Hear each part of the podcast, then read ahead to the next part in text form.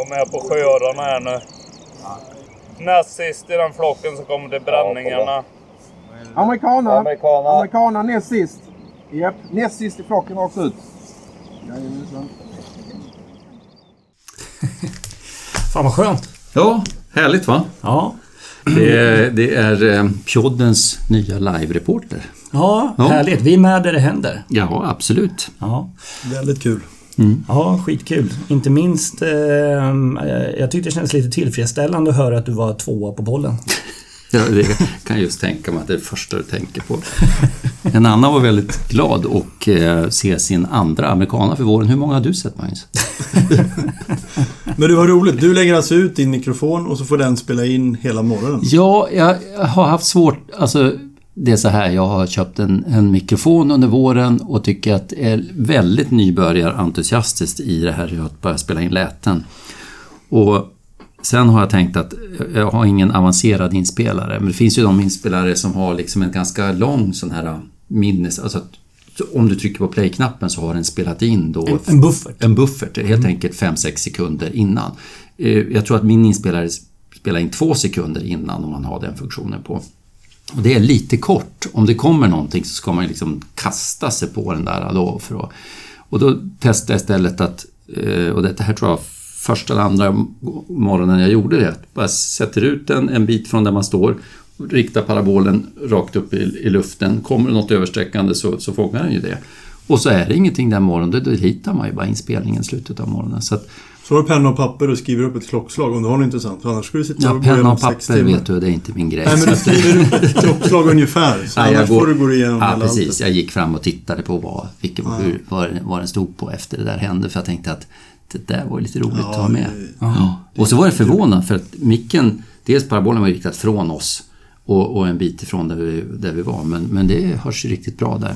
De som undrar så är ju Musse Björklund som står på utlängan och upptäcker denna amerikanska sjöorre och sen är det David Eterius som eh, med sin karaktäristiska stämma ropar amerikana där.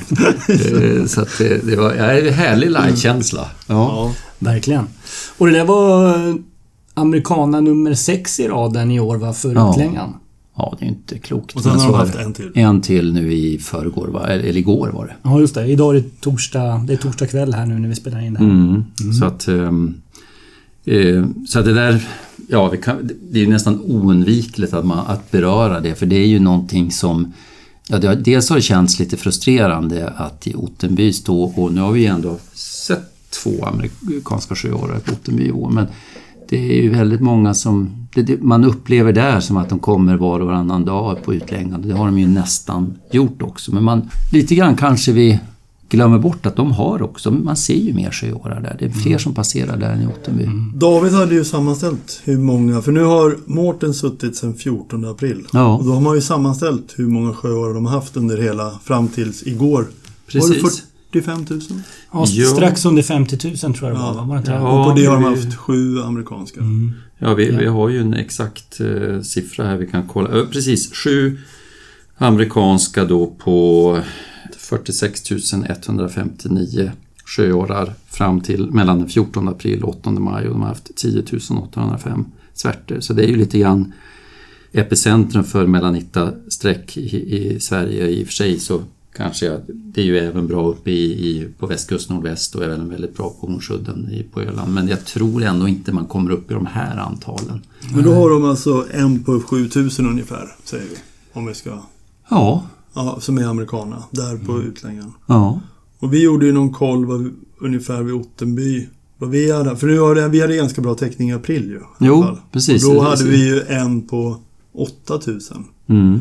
Sen är det ju svårt att veta hur många av de här går inom bestämningshåll. Men vi hade ju uppskattat att kanske 90 80-90% gick inom bestämningshåll. Mm, mm. Så det är ändå, alltså klart det inte överensstämmer helt. Men det är hyfsat nära ändå kan man ju tycka. Ja, Känns det... Man måste nästan börja med att ställa frågan. Känns det givet att det är sex, sju olika ex? Ja, Ja, men de- det, det är ju det. Och. För att de hade ju för, jag kommer inte ihåg vilket år det var nu, det var väl några par, tre, fyra år sedan, jag, jag kommer inte riktigt ihåg. Men det, när det var en, när de hade nästan varje morgon. Och det var lite senare på säsongen om jag kommer ihåg det rätt. Och den diskuterade vi, jag, var, jag var, såg inte den den säsongen, men det var ju flera nu när jag var ute på utlängan som såg den. Och det, det, är inte, det är väl inte en total konsensus vad gäller uppfattning om den, men flera uppfattar ju beteendet hos den fågeln som lite avvikande. Den kom ofta ensam, den, den sträckte på huvudet och landade och, och betedde sig mycket mer stationärt. För att de fåglar i år har ju upplevts som helt normala sträckare och upptäcks långt i, i, i väst och sträcker iväg så långt man kan nå. Va? Men jag måste ändå säga att fram till fågel nummer fem, för att jag, den, den morgonen jag var där, så var, det var ju inte något fantastiskt melanittasträck. Och det var det inte heller här igår. Jag tror att det var, vad var det David skrev, totalt 250 sjöårar eller någonting. Så det är ju, alltså tanken, jag tror inte man ska helt exkludera den möjligheten. Vi, vad vet vi hur rörelsen på de här sjöårarna är på våren? Helt säkra kan man inte vara Exkludera vilken möjlighet? Eh, Möjlighet att det kan vara samma fågel ibland som gör någon slags jättecirkel i södra Östersjön och passerar Blekinge och så inte vet jag vad den, vad den sträcker sen. Vi vet ju väldigt lite om. Var rastar de? Alltså sjöåresträcket börjar ju ganska tidigt efter gryningen. Om du så väl sitter i Hornsudden, Ottenby, eh, Utlängan så, så startar ju, de ju, måste ju ha landat på vattnet någonstans. De har ingen gemensam startpunkt som man ibland kan uppleva till exempel med vitkina gäss om, om de lättar från Holland eller Danmark någon gång i gryningen eller, eller natt och så, så passerar de. Det är ju ett streck som pågår och kanske kan pika vid, på förmiddagen eller mitt i dagen ibland. Va? Nej, Så, så är det ju inte med det är ju- sjöåre. Det är ju. Ja, det är en, en morgonföreteelse verkligen.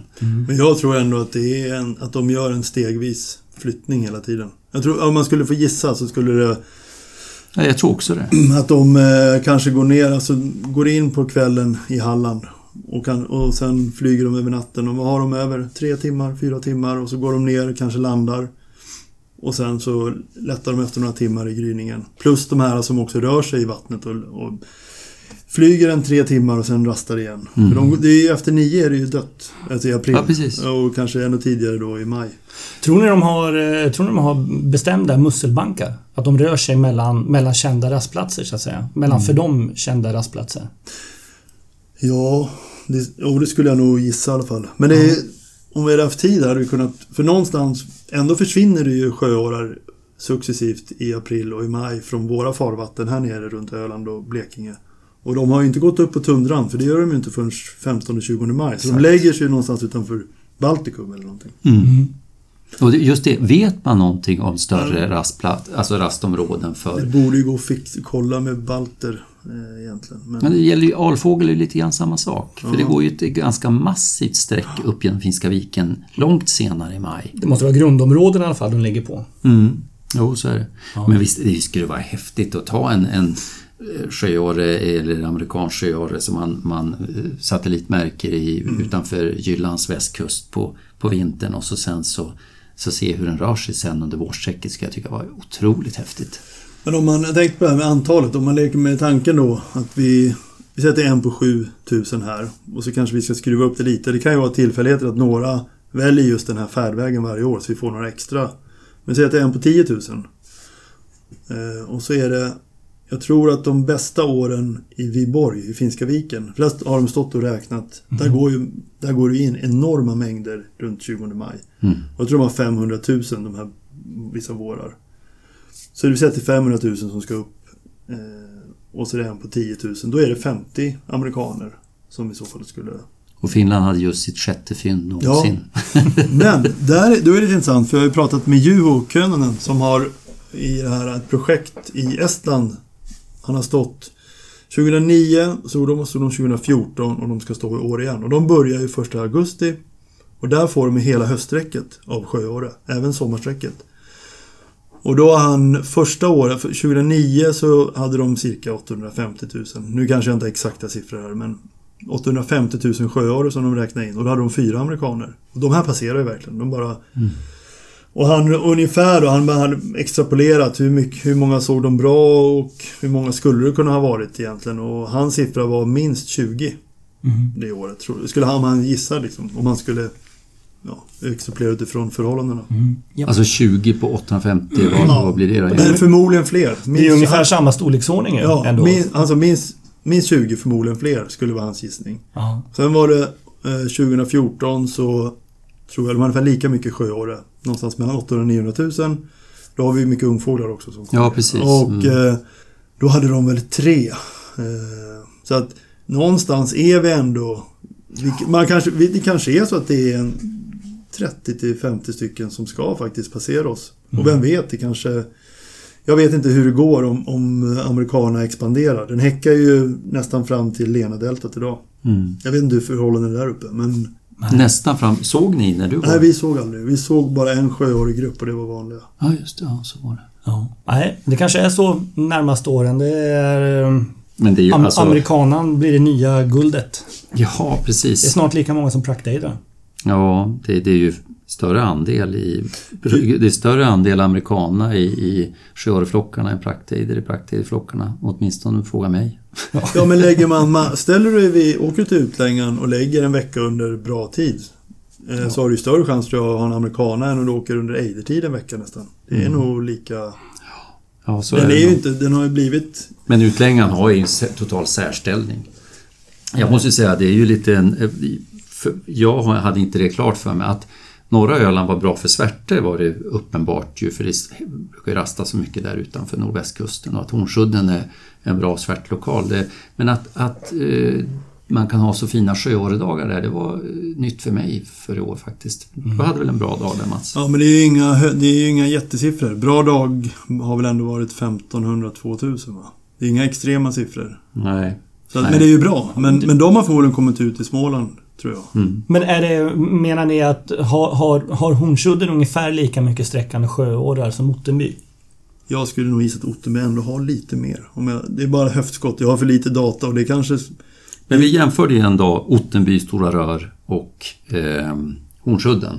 Mm. Och eh, vad jag kommer ihåg så var Ottenby och, och just den dagen så jag tror ni hade något fler än vad vi hade i Ottenby. Det var inte mycket stort, men medan Stora Rör däremellan hade just inga alls. Så det är väl som du säger, va? att det är, det är helt olika fåglar vi ser. Ja. Ja, ja som sagt och, och det, det, det är få sjöårar som från Blekinge väljer att gå upp i Kalmarsund. De går ju upp en bit i sundet, Ja. sen vänder de och rundar Ottenby och går på Precis. utsidan utav Öland. Precis. Så på Ottenby sträcker sjöårarna mot söder året runt. Det är vissa dagar det är lite annorlunda men det, det är gängse mönstret är precis som du säger. Mm. Jaha, var det dagens Melanitas, det obligatoriska Melanittasurret? Ja. nu är det slut på Melanitta-säsongen för flera månader framöver här. Ja, ändå så har de precis i Norrland hittat en stationär vitnacke och knölsvärtan kom tillbaks. Vad fan. Jag tänkte det var tättingar som skulle gälla här. Ja, ja, ja, ja, ja. Vi, vi kör väl på det då. Mm.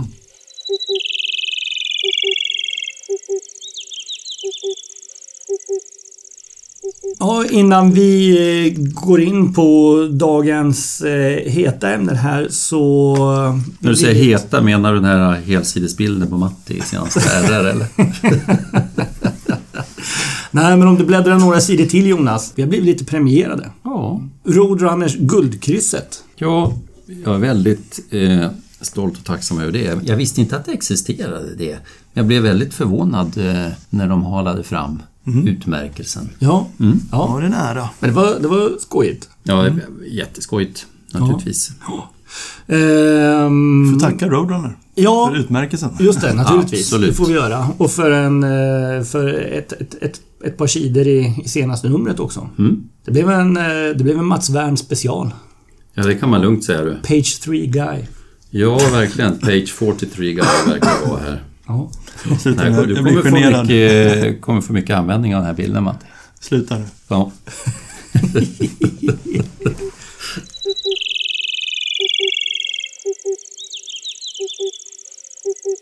Jag tänkte vrida tillbaka klockan ett par veckor.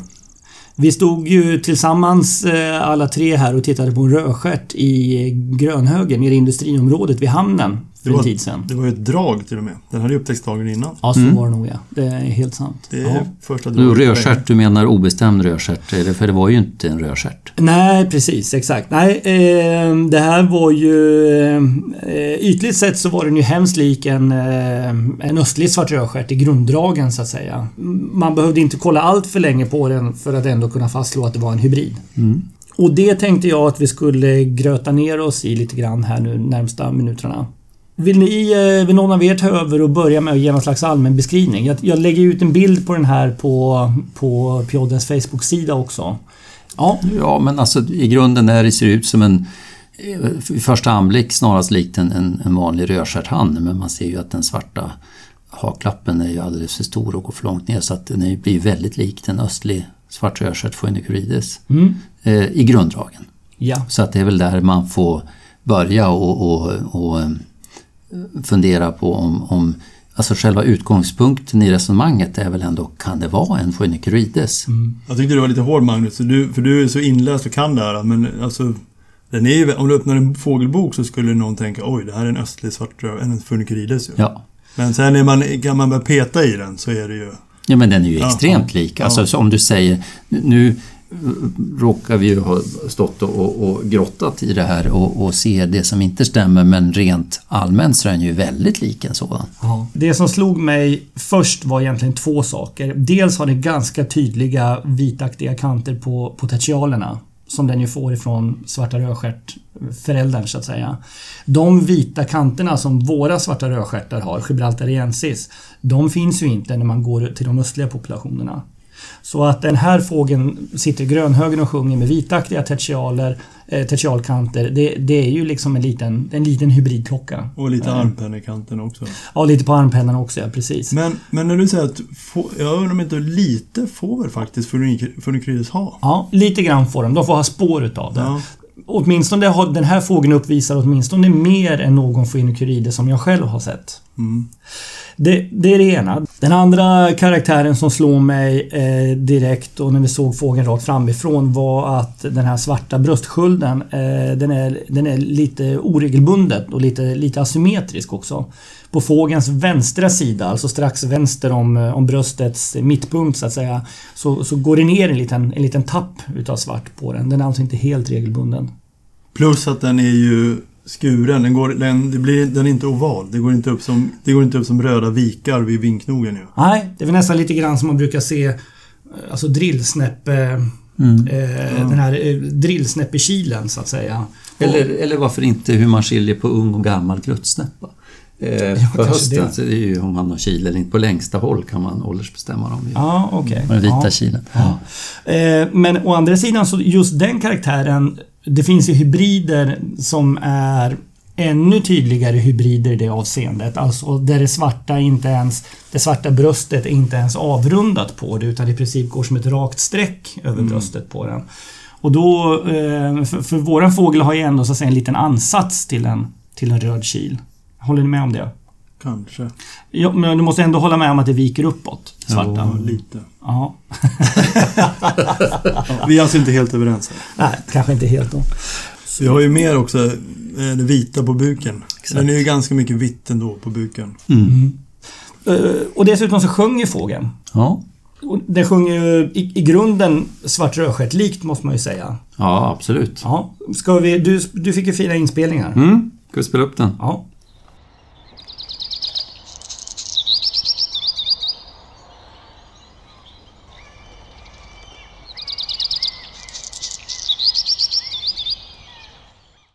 Ja, alltså grunden, egentligen, det är, det är en, en svart sång fast eh, med den där skogsnäppehärmningen som blev lite speciell. Men den vet jag inte var den kom ifrån på något vis. Det kan knappast vara från hybridinslaget. Nej, nej, det får vi hoppas. det kanske var skogsnäppekil vingen. Precis. Nej. Nej men, nej, men det, det, är ju, det är ju kul. Det var du som påpekade i fält redan där Jonas att det, det, det måste ju vara en skogsnäppehärmning i avslutningen där. Ja. Men, men man hör inte så mycket vanlig rödstjärt i sången. Jag gör inte det i alla fall. Gör ni det? Nej. Men ska vara ärlig har jag inte så... Det, det, jag, vet... Jag, har inte sett så mycket Phoenicurides som ni har gjort men vi hade ju en hel del på vår Mongoliet-resa här Ja. för ett par år sedan och eh, där upplevde jag ändå att det var ju också en, en, en klassisk svart rödstjärtuppbyggnad men de var väldigt homogena och har en liten speciell touch. Precis, det var dit jag ville komma också. Ehm, att sången hos den här grönhögenfågeln talar ju också väldigt starkt mot att det skulle vara en, en Phoenicurides. Därför att den låter inte, den, den sjunger inte som en Phoenicurides. Nej. p- precis som du säger, Phoenicurides-fåglarna som sitter i Altaj, eh, de är ju väldigt homogena med den här lilla trudelutt-varianten. Vi kan lyssna på den också här.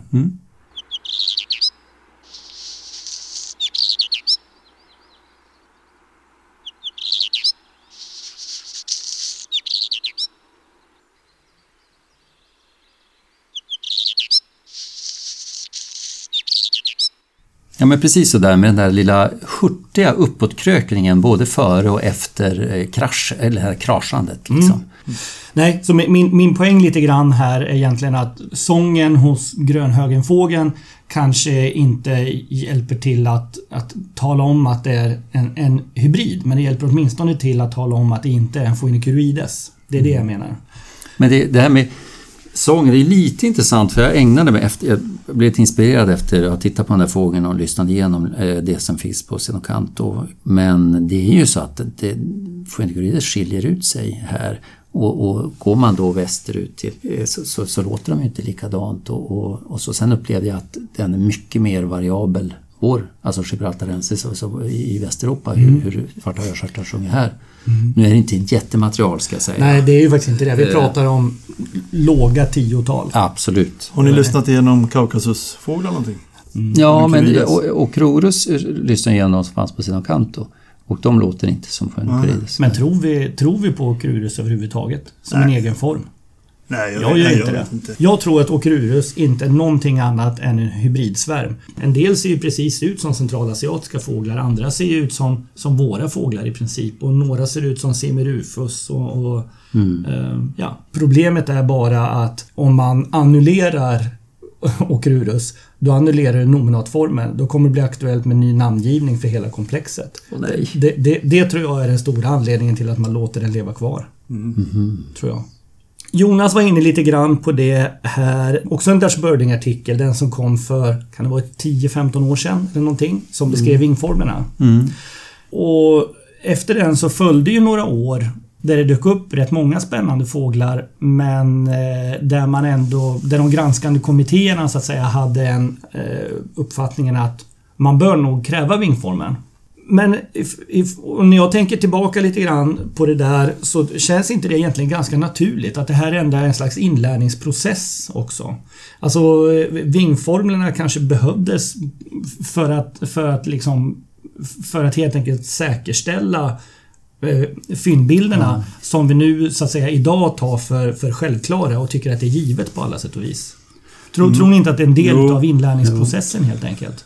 Jo, visst. Ja, så är det säkert. Om man säger så här, hur noggranna var vi inte med sträckande amerikanska sjöormar för, för, för exakt 20 på år sedan? Det, ju. Ja. det, det var ju en, en Ja. det, det var ju en extremt hård granskning på flygande och, och ta nigri, sträckande nigrikans, det är samma sak. Tristisk grönsångare. Ja, precis. Alltså nå, någonstans så är ju det här en inlärningsprocess för alla inblandade. Men samtidigt, om man skulle inta den andra polen, så den här senaste artikeln i British Bird som kom nu i april. De säger ju att, den, att hybrider ökar. Med rödstjärthybriden. Ja, Jaha, okej. och, och de skriver också att det finns vissa individer som man bör lämna obestämda. Ja. Jo, men alltså det, Jo. det tror jag verkligen också att det gör. Det är inte dit jag vill komma Nej. alls i det här. Men problemet kommer ju ändå vara liksom hur då, för nu har vi ändå sett att visst, vi får Funicurides hit en del. Ja. Men hur hård ska, ska de här granskande kommittéerna vara? Om det nu finns en liten, liten, liten risk. Fast var, var det inte Dutch Birding som tyckte att de hade gjort eh, alltså fenologi också? Att, att eh, de här höstfin, det är ju så olika uppträdande på hybriderna. Jag menar, de hybriderna har flyttat när de här dyker upp på hösten. Ehm, även om man nu ska gå på det som granskande kommitté är väl lite på gränsen. Va? Men, men eh, jag tror man kan landa ganska tryggt i de här vissa höstarna när vi har haft de här uppträdandena av Phenocurides. Jag tror inte man hamnar jättefel inte. Nej. Eh, under alla omständigheter så tror jag också, det tror jag de skrev i, i i den här senaste Dutch Birding-artikeln också, att om man i skiftet oktober-november stöter på en sån här rödmagad fågel så är kanske default-valet är ju faktiskt inte hybrid. Utan default-valet är nog Phoenicurides. tror jag också. Sen en annan sak är ju de här, och den är väl lite svårare med, med färgtonen i det röda. Den här lite varma tonen som Funicurides har. De hybridfoton man ser, de har ju ändå nästan lite den här rödstjärtsröda tonen. Mm. Ja, det, det, det som är svårt med det här tycker jag är att jag har fortfarande inte, vad jag kan minnas i alla fall, sett en, en, ehm, en, en bild eller live en hybrid på hösten. Ja, precis. Jag har ingen aning om hur de, hur de, hur de här till sig i fräsch, fräscha eh, höstdräkter. Nej, de går ju som för en. Ja. det, det kanske är så helt enkelt. Är ni bekanta med begreppen kairi och paradoxus? Mm. Ja. Det, det är man ju efter en legendarisk Roadrunner-artikel av signerad Hellström. Ja, tack för En det. ung Hellström. Ja. Det är ju så här att eh, när unga svarta rödstjärtar eh, har hoppat ut ur boet i sin, sin, eh, sin första kroppsfjäderruggning innan, innan den egentliga höstflytten.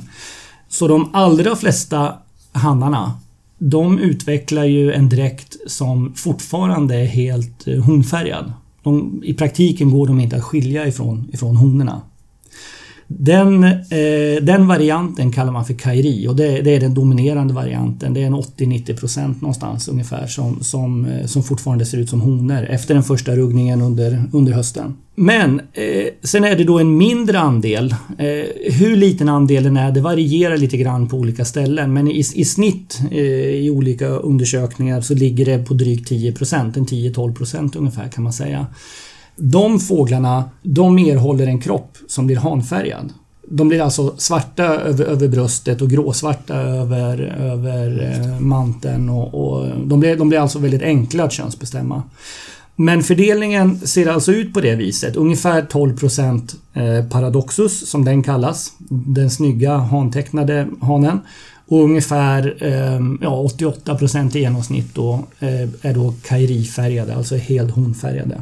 Skulle du en, en, en höstsvart rödstjärt som bara har lite, lite...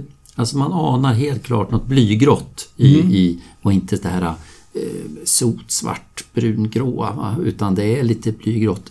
Men, men den är inte alls så som en, en, en äldre hanne utan det är bara svagt. Skulle du ändå kalla det för en paradoxus? Nej, det skulle jag inte. Grejen är att det finns också mellan, mellanmorfer. Gör det. det finns mellanvarianter i det här. Gör det. Så att eh, de allra... Om, om jag förstår dig rätt nu Jonas, den dräkttypen du beskriver, så tror jag att du har goda skäl att kalla det för en hanne. Men, men, men det är ju det är en, en, över, alltså en, en mellanmorf helt enkelt. Så att de räknas inte i bara i de här 10-12 procent utan räknar man in dem är det lite fler som... Jag vet inte hur de har fördelats. Nej, i de här. Nej. Eh, Den här procentberäkningen kommer från en artikel som gjorde nedslag på flera olika ställen i Europa. Och, andelen varierade rätt mycket. Gjorde Mm. den. Från bara några enstaka procent Paradoxus till ett, jag undrar om det inte var uppemot 30 procent i vissa populationer till och med. Alla fynd utav um, östliga svarta rödstjärtar utav Phoenicoroides i Sverige och i Europa i övrigt också vad jag känner till har ju varit um, hanfärgade unga hannar. Det har alltså varit paradoxushannar. Ni är med på vad jag menar? Ja. Ja. Vi har ju inget fynd, eller jo, vi har en sekvenserad fågel va, när jag tänker efter ifrån, ifrån fjäderägg. Nej, ifrån landsort Landsort var det. har vi. En honfärgad fågel Yes. som sekvenserades tror jag. Eh, det stämmer. Eh, men det finns åtminstone inget fältfynd utav honfärgade fåglar eh, av Phoenicoroides. Eh, jag funderar ganska mycket på eh, om fördelningen ser likadan ut borta i öster som den gör här i Europa. Då är det väldigt många Phoenicoroides som går under vår radar. Vi ska få räkna upp dem liksom tio gånger nästan. Om man säger så här, låt oss säga att, att, att det är 10% eh, Paradoxus även borta i Centralasien. Eh, Det innebär då att på 100 kläckta fåglar så är det bara fem fåglar som är Paradoxushannar. Är ni med på det? På 100 kläckta fåglar så är hälften honor, hälften hannar. Av de 50 hannarna så är det 10% som är då Paradoxus i sådana fall. Det är alltså på 100 producerade ungar så är det bara fem fåglar som vi kan bestämma till är 20 gånger fler fynd än vad vi har alltså. Ja. Förutsatt då att, att, eh, att eh, fördelningen mellan morferna ser likadan ut som den gör här i, det gör den i. Europa. Det vet vi inte. Eller vet, vet du det? Nej, men sannolikt gör den väl inte det. Alltså med tanke på vad, vad vi själva har sett i, på resorna. Du får gärna utveckla det. Ja, men att vi ser ju så många på, på våren. Det är ju Ja. så många, vi ser ju en sån hög andel hanfärgade. Ni, har ni sett en honfärgad som sjöng? Två tror jag det blev. Ja, jag tror det blir Tror två. jag. Men frågan är hur många säkra 2K-fåglar vi hade överhuvudtaget. Ja. eh, Jag, jag, jag, törs inte, jag törs inte från mina observationer gå god för det är så pass många Phoenicurides som man har haft där borta som man inte har åldersbestämt. För, för, för 3 plus-fåglarna går ju bort i resonemanget. Det är bara 2K-fåglarna som blir relevanta om man ska räkna ut kvoten. Så jag, jag vågar nog inte... Jag Nej. vågar nog inte Nej, säga jag vågar säga. Men om man skulle gissa. Om man jag tänker bara på, på ja, Mongolietresa och sen en höstresa i Kazakstan. Väldigt mycket svart rödstjärt på sträck. Då hade vi många hanfärgade. Alltså det var som man slogs av andelen hantecknade. Utan att vi kanske gick in och åldersbestämde varje individ. Ja. Så att det var... Det var en, man, spontana tanken var, jag vet inte om jag har läst också någonstans, att, att det finns någon teori sedan tidigare. Men rimlig, om jag säger så här då, oavsett åldersbestämning, Magnus, om du inte gjorde det, så, så, så benägen att hålla med Mats lite grann. För att känslan är väl ändå, om du springer på en sjungande svart rödstjärt i Sverige, känns det som att det är lite högre odds att det är en honfärgad fågel som sitter och sjunger än vad det var i Mongoliet när du kollade in den sjungande. Eller? Jag, jag, jag håller med dig. Alltså, vi som sitter runt micken här nu har ju ett Ölandsperspektiv. Det passerar mycket svarta rödstjärtar förbi här. Jag är mycket flyttande fåglar. Jag är, jag är inte hundra på om, om man går in i, i, i så att säga, häck, häckområden, alltså i kärnområden där det är gott om svarta röd. Om vi skulle åka ner och sätta oss i Gdansk i Polen och titta på svarta rödstjärtar där nere så är jag, jag är inte hundra på att de, att, att, man, att de allra flesta sjungande individerna är, är Men honfärgade. borde inte ryssarna ha gjort någon studie på det här? Eller? Ja, vi skulle haft Reino Andersson här. Han har, Ja. han har bra koll på, på litteratur och annat. Men Mats, di- din, din maggropskänsla Ja, det utifrån. Kazakstan Ja. eh, var ändå, höstturen i Kazakstan, var ändå att du, du skulle gissa att andelen Paradoxus österut eh, är, är högre än vad den är i Europa. Ja, du ska, ja, det är skulle rätt jag. Men det är, ja, men det är ju som sagt, jag bara gissar ju. Så jag måste, du, jag tycker du lite tränger in med ett hörn här. Jag vet inte riktigt vad jag ska ta vägen. Det är, det är inte min mening i sådana fall. Nej. Men du Magnus, eh, mellan oss och Phoenicurides finns det ju fler svarta rödstjärtar. Ja, eh, åtminstone om, om man är i, i bältet söder om... Bergbältet Ja. söder om från Turkiet. Och Ja, ja. precis. Det stämmer ju. Eh, och Rurus no- nominatformen i Kaukasusregionen. Och strax söder om den eh, Simerufus också, nere i, på Levanten. Mm. Har ni förresten tänkt på det? Eh, det var rätt många år som vi levde med, eh, med en massa Simerufus-larm. All, all, alla östliga svarta rödstjärtar larmade som Simerufus. Hur kommer det sig då? Jag, min, jag, jag tror att det helt enkelt handlade om att ehm, de fältguider som vi har har ju ofta VP som en avgränsning. Simerufus fanns på skådarradarn men Phoenicurides som bara häckar utanför VP, alltså öster om VP-gränserna, den avbildades aldrig och den, den fanns inte med på radarn och jag tror inte att man tänkte på det riktigt. Jag tror än, än idag finns det ju inte avbildad i, i Fågelguiden till exempel. Jaså? Nej, det tror jag inte.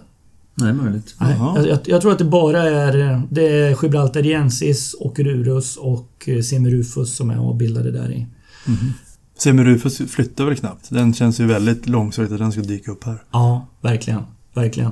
Jag, jag, jag, tror aldrig den någonsin kommer att ses i Sverige faktiskt. Det är i praktiken en stannfågel. Men det, det intressanta är ju... För Phoenicurides det är ju en, en jädra snygg fågel och, och gråryggad och grann. När blir de så här... äh, När grottar det ner sig och blir så här äh, lite svart, eh, svartryggat och så, var ser den? Ja, det där, det där är, ju, det är ju lite intressant. Tittar man, tittar man på bilder från Kazakstan så, så är de ju ganska variabla. En del är ju rätt mörka över ryggarna där också. Och såg ni, jag skickade, hann ni läsa den? Jag skickade ju ut en artikel till er här som, som jag själv fick från Reino för, för någon vecka sedan. En, en rysk undersökning. Ja, det var den ryska ja. Ja, Ja, Ja, ja, jag den. Det var ju spännande. ja, Ja. det var ju lite tungläst på kyrilska men, men eh, Ja. det fanns ju några, några bild, engelska bildtexter. Men Och lyckades. kartor. Ja, Ja, precis. kartor. Ja, men, men som jag tolkade den här så var det en rysk undersökning som menade att de här homogent ljus, eller ljusryggade Phoenicurides-fåglarna de hittar man bara längst upp i norr, alltså i Altai-regionen. Och, och, och, så fort man, man rör sig söder om det, ner alltså i, i de centralare delarna utav utbredningsområdet för Phoenicurides, så, så, så är de mer variabla och rätt många visar mörkare ryggar så att säga. Att de börjar närma sig ja, men både Semerufus och Rufeventris. Eh, och, det, och det var ju precis den poängen också som ryssarna gjorde i den här artikeln. Och de gick ju så pass långt så att de, de föreslog ju faktiskt eh, en, en utbrytarras. De ville knoppa av de nordliga Phoenicurides under namnet Murinus. Musfärgad. Mm. Musfärgade? Ja, det kanske inte är helt dumt. Nej. Nej. Nej. Men stämmer det så är det ju, för kollar man på de svenska fynden så är de gråryggade. Alltså de matchar ju Altaj och den regionen. De matchar ju Murinus Ja. egentligen. Ja, Ska vi börja kalla dem för Murinus? det är kanske det vi ska. Jag håller med dig Mats, men, men samtidigt, hur, vi är tillbaka där igen. Hur, hur många fräscha höstfåglar har man sett alltså, som är tagna längre söderut ifrån, ifrån Centralasien? Jo, det är sant. Det, det är svårt det. Det är en sak att diskutera fåglar på häckplats för de vet man vart de hör hemma. Och, men, men dräkterna är ju nedslitna så att säga. Ehm, vi, vi har ingen aning om hur de, hur de ter sig. Nej. Och det tycker jag lite grann med våra svarta rödstjärtar. Att de mörknar ju med slitaget nästan. Mm. De känns ju mera mörkryggade senare på sommaren än när man ser dem i april. Ja, absolut. Det gör de. Men, eh, men jag håller med dig i, i det i alla fall Mats att eh, eh, de ger ju alla europeiska östliga svarta rödstjärtar, de ger ju ett väldigt homogent intryck. De, de, de, eh, man upplever ingen större variation hos, hos, hos, hos våra felflugna västeuropeiska östliga svarta rödstjärtar. Men du, om, om nu ryssarna föreslår ett, eh, en ny form här som de vill ge ett, eh, ett rasnamn eller underartsnamn Murinus. Vem är det som... Eh, ja, vem bestämmer om vi ska anamma det här i Sverige? Vem sanktionerar? Ja. Pjodden. Taget! Nej, ja, det är roligt att du, att du frågar det. Jag har faktiskt skrivit ner precis samma fråga här på, på pappret framför mig. Jag gissar att det är, att det är våran taxonomiska kommitté, alltså TK. Det är de som, som ritar upp spelbordet för oss andra. Men det är för det är inte så ofta nu känns det som som man får den frågan att det föreslås en ny underart och så ska man se om man ska anamma det. Det är ofta om man ska lyfta något och ge det artstatus. Ja, det är det.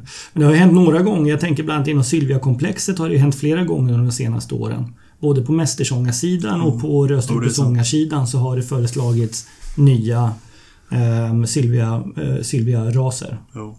Men innan det fanns TK i, i olika länder, var det liksom bara, ja vilken tyngd hade den författaren eller, eller forskaren liksom publicerar en bok så, så eh, som blev var spridd så fick det väl helt enkelt, så blev, anammades det och så, så var det så helt enkelt. Det, det fanns ju ingen, det är ju ett sentida påfynd det här med taxonomiska kommittéer som på något vis är rådgivande. Du har säkert rätt i det.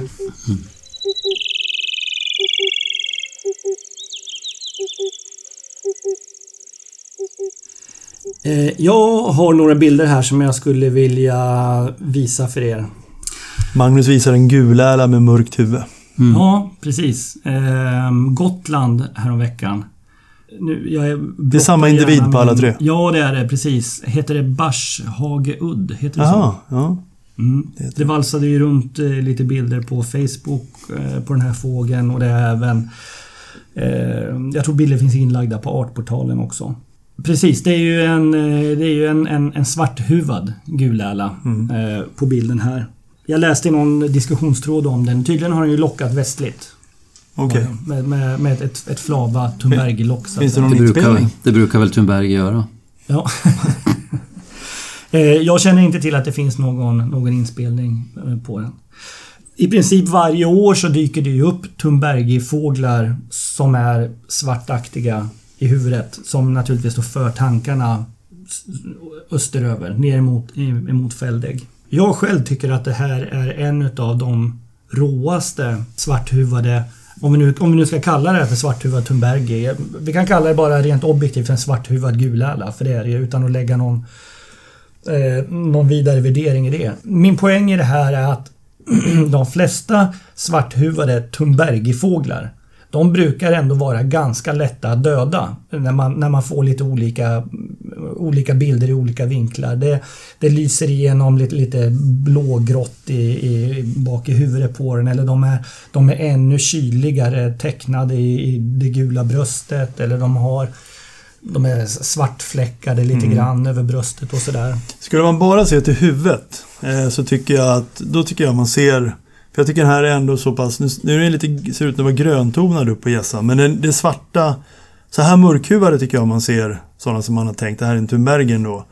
Men eh, så huvudet enskilt tycker jag inte är superduperhett. Men... Nej, det är jag, nacken som gör det hett tycker jag. Ja, men även... Ja, vår- men, men, Men jag om jag bara får... Eh, däremot så är det lite spännande att det sammanfaller med täckare som också är spännande. Mm. Det är alltså det är ganska breda gultonade toppar på mellersta täckarna framförallt som jag tänker på och även större täckarna. Men just mellersta här också.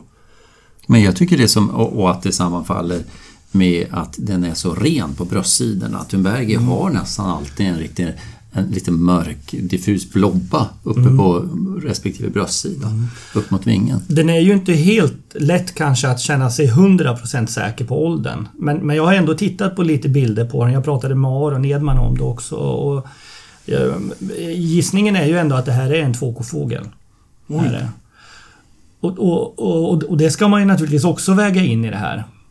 Eh, Men, men jag håller med. Alltså jag, hur, det som är... Vi har inte sett de här bilderna som, som du givetvis nu sätter upp, men, men den är ju inte... eh, Vad ska jag säga? Grön, den, gröntonen på ryggen är ju inte jätteimponerande. Den är ju ändå den är ju grågrön men, men, och det är svårt att bedöma färger på bilder så här. Men, men eh, huvudet, det är ju ändå eh, centralt uppe på hjässan till pannan så finns det ju ändå en, en gråton. Och det man ser i den här fina bilden i direkt medljus från sidan när den, den tittar. Välvilligt kan man ju tolka det som att det bara är lite solblänk i det kolsvarta men det är ju, tycker jag man ser, det återkommer på varenda bild, gråa inslag hela hjässan och fram till... eh, fast inte, nej, inte blågrå. nej, inte blågrå nej. Nej, nej grön, men det, snarare gröngrå i sådana fall i mina ögon. Eller neutralt grå. Neutralt grå. Sen, sen, eh, men, men är det inte så att, att på de två K-fälldägg som inte får den här neddragna, svarta, skarpt avsatta nacken utan där det blir... För den här är ju väldigt, väldigt, väldigt diffus. Den skulle väl vara, Skulle inte det här vara en extrem eh, 2K-fågel även för en Thunberg? Och de som har det... har Menar du även för en... Nej, fälldägg menar jag Ja. naturligtvis. Extremt diffus nackövergång. Men det är inte ovanligt att se två fälldägg som ser ut på det här viset i nacken. Det Ja, det fast inte. har de inte med grönt inslag där? Ja, tycker inte du att det här är grönt?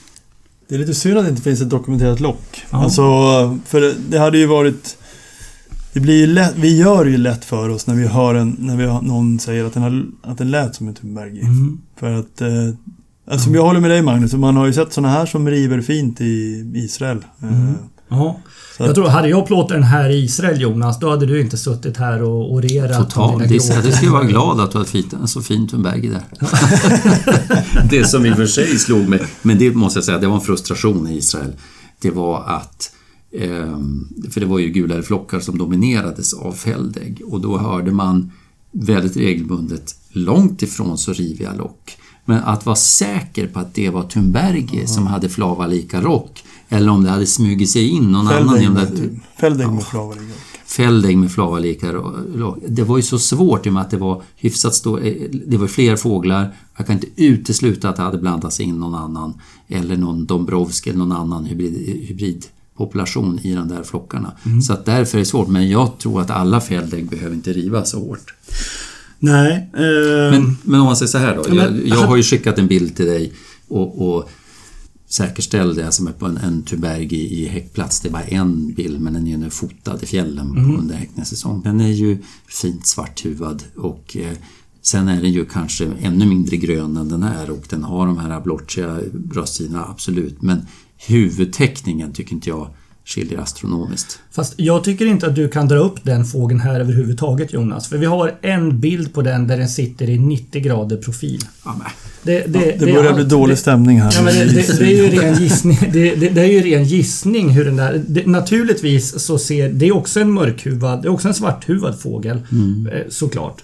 Men vi vet ju inte alls hur den ser ut. Den kanske ser ut som alla andra lättdödade mörkhuvade Thunbergi om vi bara hade fler Ja, men vad är bilder på det du den. tycker är så hett med det här huvudet? Alltså för den här är ju jättebra dokumenterad, men vad menar du i huvudteckningen som gör den här så het? Jag, eh, jag saknar blåtonerna. Ja, men det finns ju inga blåtoner i den bild jag skickade heller. Men snälla Jonas, det är ju det jag säger. Den är ju fotad 90 grader från sidan. Den hade ju kunnat vara blå som eh, Barbapappan. Ja, säga. ja, men vänta nu. Ja, vi, vi ska, det, det börjar bli dålig stämning. Men det jag vill säga, det är väl ställd utom allt tvivel att det finns regelbundet Thunberg som saknar blåton. Det tror jag vi, det tror jag vi kan konstatera att det, sådana finns det. Inte vanligt, men sådana finns. Titta här. Kolla, det här. Så det här kallar jag. Titta. Det här kallar jag. Melanogracia. Men Presumed så, så, där first ser son. Titta. Inte, så, så, där, så, så, Så där, här ser de ut. Ja, men så där ser inte alla Titta, ut Jonas. titta, titta här. Ja men de har ju... Ja, men, ge dig. Jo, men det här kallar jag Om, grönt. om, du, om du ska hävda att det är sådär alla tvåkofåglar ser ut, då, då har du ju tittat för lite på Fälldägg. Okej. Ja. Vi kanske ska avrunda den här fågeln nu.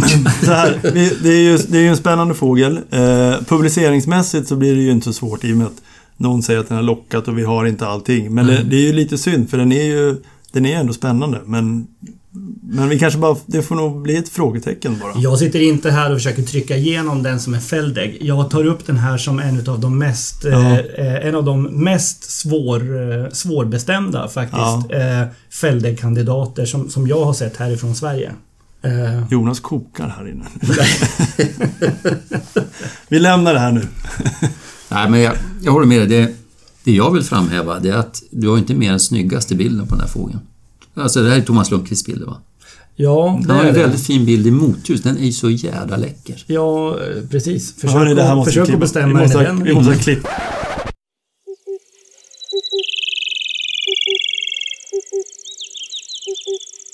Ja, men eh, lite traditionsenligt då så undrar jag ju såklart eh, vad har du inte kunnat släppa Mats? Ja, jag har ju funderat på den här Wilsonbeckasinen i Uppland. Det är ett Mm. häftigt fynd. Eh, Verkligen. Det är väl vårens clue. Men just det här att de fynden vi har av Wilson Beckasin. Vi har ett, en spelande i Finland och nu har vi en spelande i Uppland. Och om vi tar de här nordamerikanska vadarna. Hur ofta har vi sådana av de andra arterna som, eh, som vi hittar på våren och som kanske spelar? Det är ju inte, det är ju inte jättemånga fynd. Det är väl Tubsnäppa har vi ju ett gäng varje vår. Wilson Sim. Finns det några vårfynd då? Ja, just det. Men just den här eh, Vitgummsnäppa. Ja, jo men ändå. Att den är ju så svår på hösten. Ja. Att, ja. att eh, detektera bland enkelbeckasiner. Ja. Man börjar ju frå- man ställer, undrar hur många Wilsonbeckasiner har vi egentligen på höstarna? Som vi stöter. När vi ändå är det så pass många som... Det är ju liksom udda att vi har två spelande fåglar som VP-fynd. Kan det vara, kan det vara så här helt enkelt att de, de, de flesta nordamerikanska vadare som ses i Europa har ju ändå en arktisk utbredning. Och, och Skandinavien utgör ju bara en, en förbipassage för dem så att säga. Wilsonbeckasin häckar ju... Ja, de, de, de häckar ju på våra latituder. Ehm, Kan det vara helt enkelt det som gör det att de, eh, de, de har Skandinavien som, som slutdestination? De, de stannar kvar längre på, på området och, och chansen ökar att de, att de hittas. Fast samtidigt, vi har ju liksom inga mängder av spelande amerikanska, eller inte, fläcktrillsnäppor och mindre gulbenor i, i, när vi är ute i, i skogarna. Nej, nej. Men du, hur vanlig... Alltså för, den finns då förmodligen både på vår, våra eh, breddgrader, alltså i Nordamerika. Men sen finns den väl ändå upp på... Du har haft den på tundran? Absolut, jag har sett den i Barrow. Ja. Så det borde ju vara en ganska stort utbredningsområde, en stor population. och Även, så det, förmodligen, en gissning är att vi har en hel del på höstarna också. Ja, ja. Men, men det kanske var det, Mats, när vi stod i höstas och vi hade, vad var det, 70-80 enkelbeckasiner vi kunde särskåda i, i Ottenby där, på Västrevet som, stod, som gick så fint. Och vi tyckte det var sån makalös variation på flanksträckningen. Det var helt enkelt... Det kanske var det alla Wilson Legacy. vi såg där som var Precis. välsträckade. Du kan ju skriva en rapport. Ja. Jonas, vad har du inte kunnat släppa? Släppa, men det var, jag ville bara berätta om en, en eh, oväntad eh, fågelupplevelse. Jag satt i, i bilen nere på en hemmalokal, Sandbergs skjutfält, och hade upptäckt en större strandpipare som var färgmärkt. Jag ska kolla om det är någon av Linus Heds fåglar Ja, faktiskt. det är det ju kan ju vara säkert. någon med logger på. Ja. Du såg ingen logger på ryggen? Nej, Nej. det gjorde jag inte. Mm. Eh, Men jag fotade den, jag ska se lite noga på, på bilderna där. Eh, och så sen så tycker jag hör någonting, men vad är det som... Det var en sångläkare som nästan sjöng rakt in i öronen som liksom är som en ljudvägg. Men tycker jag var något i bakgrunden där som lät lite smått bekant. Tänker jag, kan det vara en sjungande rödstrupig piplärka? Och så sen så kom det en fågel flygande och tänkte att det där kanske är en rödpip. Och så kollade så var det. Och så satt den liksom, satt den sig en bit ifrån och började återigen sjunga. Och det är ju faktiskt inte så ofta man hör det. Jag har, det är en liten skammis. Jag har aldrig hört sjungande rödstrupig piplärka. Nej, Nej, men det, det var ju givetvis en liten lågmäld sång men det var ju trots allt så att den eh, mer eller mindre den återkom och den drog igång riktiga strofer och så här lite elektriska. Det är en jävla läcker kvalitet på, på, på lätet där. Var det en, en vacker röd fågel? Mycket, den var super... Det var en riktig alfahanne ska jag säga det. Ja. Ja. Kul. Ehm, så det är väl det. Sen måste jag, får jag nämna en sak till också. Den där fantastiska eh, inflaxet av Afton Falk. Och det är så påfallande nu för eh, där har ju också varit kring hemmalokalen på Öland så har det hållit till nu en längre tid. Eh, två gamla honor och en gammal hanne och då slår det ju med hur otroligt få fynd av de övriga fåglarna jag har sett på Öland sista 20 åren som, som har varit gamla. Det är ju tvåkofåglar till en totalt övervägande del som oftast dyker upp. Och de kan ju vara väldigt vackert utfärgade i kroppen och så här men... Ja, en del så- är ju rätt avancerade. Väldigt de, avancerade. De, de ger intryck av att vara adulta vid, vid första anblick så att säga. Precis, men, men hannarna då framför allt ger ju ett annat intryck. Istället för de här bruna vingpennorna som, eh, så, så har de de här silvergråa. Det är ju en sån makalöst vacker fågel. Så att det, nej, jag tycker det har varit väldigt häftigt med det här inflaxet. Blir Spännande att se om det blir några häckningar i Sverige nu. Verkligen. Verkligen. De här tre fåglarna nu eh, som sitter borta i gårdbetrakten. Mm. Eh, vad är det för åldrar på dem? Ja, men det är tre, två gamla honor och en gammal hann. Alltså alla tre är gamla fåglar? Jajamän. Ja, okej. Spännande. Jag tror hela det här inflaxet är väl gamla fåglar. Jag tror alla foton man har sett, eller jag har inte kollat på alla fåglar såklart, men de foton jag har tittat på har ju varit gamla fåglar. Ja, men jag tycker Eller- det här skiljer eller har ni, sig. Är någon ungfågel med i det här? Dok, de som är fotodokumenterade? Jag, jag backar direkt. Jag har nog inte, jag har inte tittat. Nej, jag har, Nej, alltså, jag man har inte kanske heller tittat på så många bilder men jag är benägen. Jag, jag tror som du Mats att det här är helt dominerande. Det var ju en väldigt tidig inflax också i, Mm. i säsong. Det här är ju- Det här är liksom inga efter, alltså såna här överskjutande tvåkofåglar som kommer upp i mitten, slutet på maj som det är varje år. Utan det här var ju, en, det här var ju den riktiga flyttande, Mm. häckande populationen som, som kom i ett, ett eh, sydostligt luftflöde. Ja. Eh, så att, och det vet jag inte, det har inte jag varit med om förut. Nej. Du är ändå äldst här. Gammal äldst. Ehm, ja, själv har jag en liten grej som jag tänkte ta upp och visa här. Det är nog en fågel som jag gissar att ni kanske inte har sett.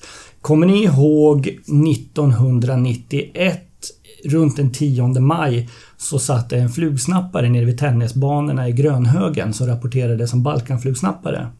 Och det blev en ganska omfattande granskning så att säga kring, kring det här fyndet.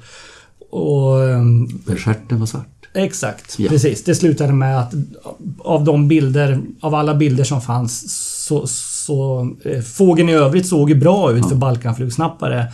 Men det fanns inte en enda bild som visade någonting vitt i stjärten. Mm. Och därför så klassades den som en sannolik hybrid så att säga. Precis. Eh, Hybrid mellan svartvit och halsband kanske man ska förstå. Ja, just det. Förlåt. Precis. Ja, hybrid mellan svartvit och, och halsband. Den svarta stjärten hämtar den ju då ifrån, ifrån, ifrån halsbandsföräldern så att säga. Men nu häromdagen så fick en bild på en fågel som ringmärktes utav eh, Christer Herremov på Torhamns udde här för några dagar sedan. Ta en titt på det här. Eh, Jag tycker att det här är en av de mest eh, spännande hybridflugsnappare som, som, som jag har sett någon gång. Ehm, Finns det fler bilder på stjärten? det här är den enda bilden som existerar. En mobilbild. Oj, tyvärr. synd. Ja. Men, och, och det är svårt att veta eh, hur mycket vitt det har och hur långt det går ner. Men det, det, det ser ut att vara liksom två pennor som till, till två yttre stjärtpennor som till största delen är, är vita. Men som sagt svårt att se hur långt ner det sträcker sig också. Tänk er om, eh, om eh, eh, grönhögerfågeln hade haft en, en stjärt som såg ut på det här viset. Christer ligger sömnlös nu eller? Ja. Nej, det tror jag inte. Den här fågeln, eh, den har ju inga vita teckningar på mellersta täckarna som grönhögerfågeln hade. Ehm, Och den har ju Den har ju rätt generös vit pannfläck. Den är ju den är ju rätt stor. Mm. Ja. Den är liksom eh, halsbandsflugsnappar. Lite för stor. Ja. Ja. lite för stor för en balkanfluga kan man säga. Så eh, säkert, eh, ja, det här, det här bör ju vara en hybrid så att säga Mm. Men eh, som sagt, jag kan inte riktigt släppa stjärtteckningen här och, och eh, tänker den då på grönhögerfågeln. Mm. Jaha hörni, vi ska nog runda av här. Eh, men det är spännande veckor vi har framför oss. Ja. Ibland känns det som att våren har gått förbi men det är ju faktiskt en hel månad kvar nästan. Absolut. Ja, det är, det. Dessutom är det en ganska kall vår. Alltså den, eh, jag föredrar såna här vårar som är lite instabila som den här. Där, man verkligen drar ut på det hela. Det, det är trist när det blir högsommar i mitten av maj. Det var som i liksom. fjol. Ja, Ja, eller hur? var Århundradets tråkigaste vår. Ja, verkligen. Men det, Århundradets. eller, Återigen så är du väldigt gammal Jonas. Tråkigaste på 20 år i alla fall. Det var väldigt högtidsbetonat. Men det jag har tänkt, vi har hunnit prata om några få saker. Redan nu tycker jag att jag har eh, hunnit med så pass mycket våren så att det är väldigt mycket kvar att prata om. Det har setts ganska mycket roliga grejer. Eh, Vi, får, vi har liksom lite material. Jag, jag känner... eh, med Du är redan tag- taggad inför tag- nästa avsnitt, alltså? Absolut. Ja, Mm. det låter bra. Men då får vi köra om någon vecka igen. Det får vi göra. Toppen. Tack och hej! Hej. Tack, hej.